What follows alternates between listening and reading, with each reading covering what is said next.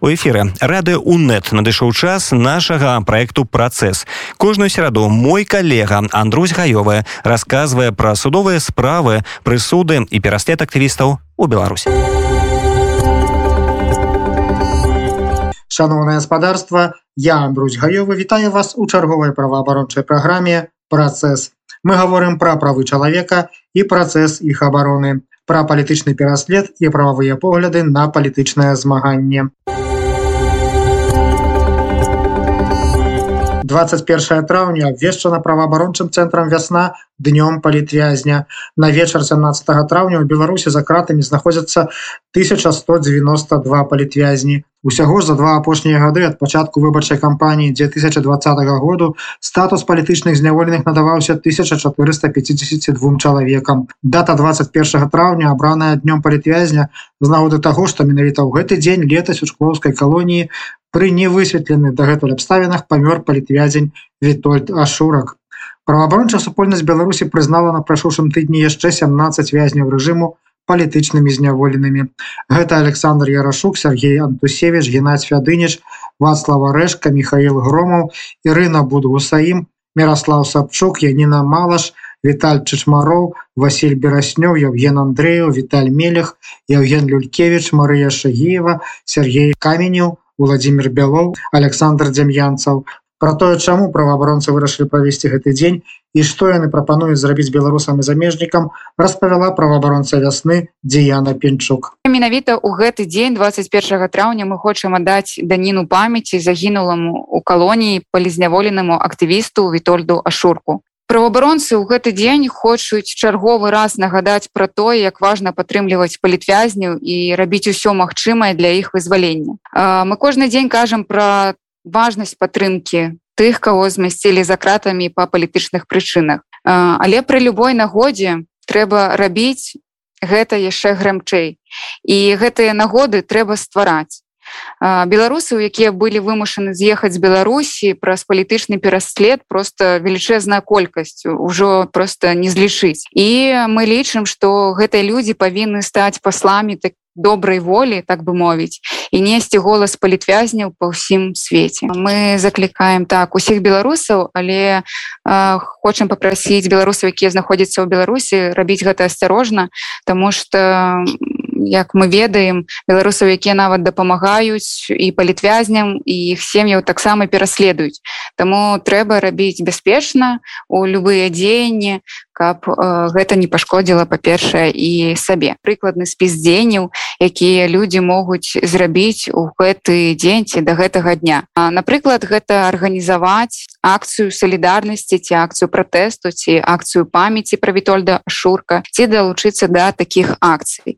Ужо вядомыя і прызначаныя месцы і час у вільні і ў батуме можна далучыцца да гэтых акцый. Можна зрабіць напрыклад акцыю по падпісанні паштова заявок ці лістоў салідарнасці ў гэты дзень. У любым горадзе вы можете нам даслаць на пошту ці у тэлеграме у якім горадзе плануецца акцыя. Больш э, актыўнасцей у соцсетках напрыклад зрабіць ліст поспа з палізняволенаму ці распавесці гісторыю аднаго ці некалькіх палітвязняў свайго знаёмага тому что у беларусаў у многіх і калегі і знаёмыя за кратамі знаходзяцца. Мы таксама заклікаем у гэты дзень прычапіць да адзення жоўтую бірку экстрэміста у знак салідарнасці з палітвязнямі і напрыклад падзяліцца фотаздымкам у соцсетках і распавесці гісторыю. Таксама можна падтрымаць палітвязняў напісаць ім проста ліст ці адрасна падтрымаць сям'ю гэта ўжо будзе вялікая справа для нашай вялікай агульнай справы і для агульнай мэты. У пятніцу 20 траўня наш ранішні эфир будзе цалкам прысвечаны дню палітвязняў беларусі мы пагутарым з братам вітольда ашурка былым палітвязням дмітрием фурманавым разбяремся як можна напісаць ліст ці паштоўку палітвязню каб яна да яго дайшла а таксама вы зможаце пачуць поўную гутарку з дзеянай піншук пра пільную патрэбу прыцягнення ўвагі да становішча з палітвязнямі ў беларусі Далей у нашай праграме традыцыйная хроніка палітычна матаванага пераследу Беларусі паводле маніторынгу праваабарончага цэнтру вясна.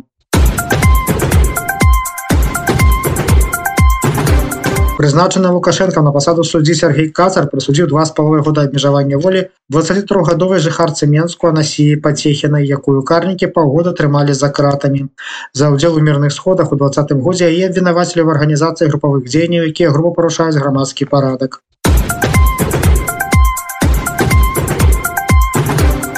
экстрэміскім фармаваннем гродзенскі абласны суд прызнаў незалежны прафсаюз гродна азот. Паводле меркавання прызначаных лукашенко на пасаду суддзяў людзей дзейнасць названай первічнай арганізацыі супярэчала патрабаванням заканадаўства і была спалучана з распаўсюдам экстрэміскіх матэрыялаў а экстрэміскімі матэрыяламі прызналі тэлеграм-каналы это мінск дзедка партызан 311 соседи южный городок киевка 97 процентов северный 97 барановичи северный мост водитель 97 народная самооборона киберпартизаны чат и facebook суполка во-первых я из пинском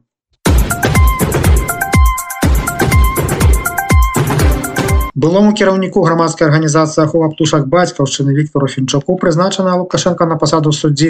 Алена мурашка прысудзіла два з паловай года калоніі за ўдзел у мірных сходах у двадцатым годзе якое лукашенкова стаўленіца абвясціла злачынствам. Арганізацыя групавых дзеянняў якія група парушаюць грамадскі парадак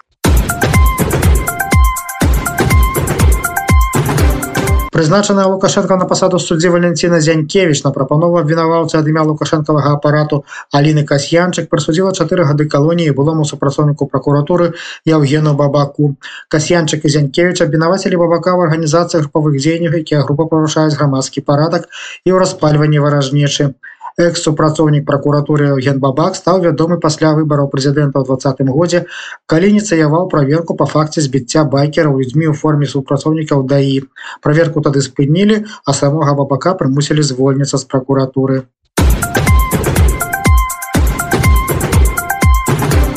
жодзінца александра миронова прызначана лукашенко на пасаду суддзі иван грынкевич пастанавіў зняволіць на два гады ў калонію за ажыццяўлення права на мірныя сходы і свабоду выказвання меркаванняў. Мирона пісаў тэлеграм-чаты паведамленні з заклікамі прыйсці на мірныя сходы і выказаць сваю пазіцыю. Гэта грынкевич інтэрпрэтаваў як злачынства якое лукашэнкаўцы сваім крымінальным кодексе назвалі арганізацыя групавых дзеянняў якія грубо парушаюць грамадскі парадак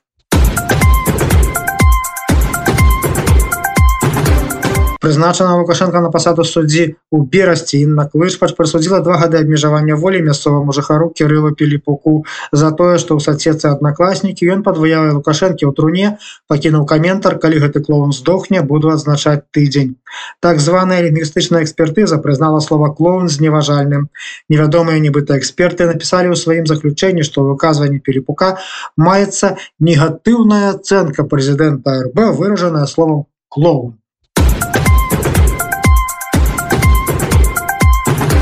Нягледзячы на забарону еўрапейскага суда ў правах чалавека Росія выдала беларусі гамяльца Михаила зубкова якога беларускія карнікі абвінавачваюць у гвалце з міліцыянтаў на мірных пратэсных сходах у верасні два -го года. Тады ён ужо быў арыштаваны паводле адміністрацыйнага кодекса але пазней яго пачалі шукаць нібыта за тое што ён надта блізка падышоў да міліцыянта а значыць мог нанесці яму пашкоджанні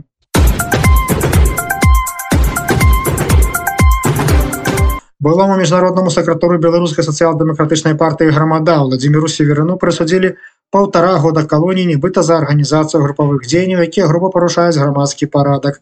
Насамрэч за ажыццяўленне права на мірныя сходы вядома што адразу пасля затрымання яго абвінавацілі ўвогуле у тэрарызме і трымалі ўсе за кДб разам з імя судзілі актывістку татяну гібкую якой таксама прызначаная лукашенко на пасаду суддзі татяна шоцік прызначыла полтора года калоніі Да чатырох гадоў абмежавання волі суддзіў прызначаны лукашенко на пасаду суддзі Александр руденко актывістку руху маці 328 Марыну кісялевич за нібыта абразу і паклёпу дачынення да лукашэнкі які прызначыў рудэнку каб ён разглядаў падобныя справы і можа ў любы момант звольніць яго з гэтай пасады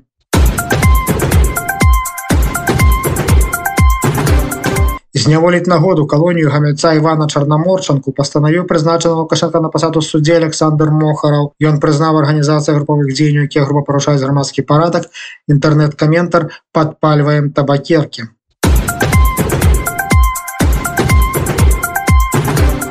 зняволіць нагоду калонію гамельца Івана Чарнаморчанку пастанавіў прызначана Лукашенко на пасаду суддзе Александр Мохараў. Ён прызнаў арганізацыю групавых дзеянняў, якія група парушаюць грамадскі парадак, інтэрнэт-каментар падпальваем табакеркі.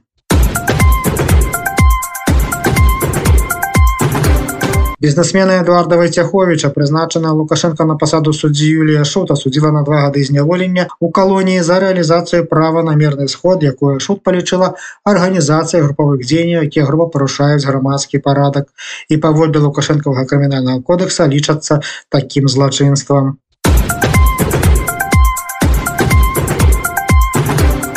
Карнікі правялі ператрусу кнігарні кнігаўку якую адкрыла выдавецтва янушкевич перад тым у кнігарню заходзілі прапагандысты якія потым напісалі ў праўладных каналах што там прадаюцца кнігі гістарычнай тэматыкі на беларускай мове. Пасля ператрусу знікла сувязь з дырэктарам выдавецтва андреем янушкевичам і супрацоўніцай кнігарні настай карнацкай. Пазней высветлілася што янушкевича затрымалі. У праўладных каналах напісалі што ён нібыта вёў ліставанне з офісам святаны ціхановскай. На цяперашні момант ему прысудзілі 10 сотняў арышту паводле адміністрацыйнай справы У наваполацку затрымалі кіраўніка мясцовай суполкі беларускага незалежнага прафсаюза Масіма пазнякова. Пазней стала вядома, што яго будуць судзіць паводле адміністрацыйнай справы.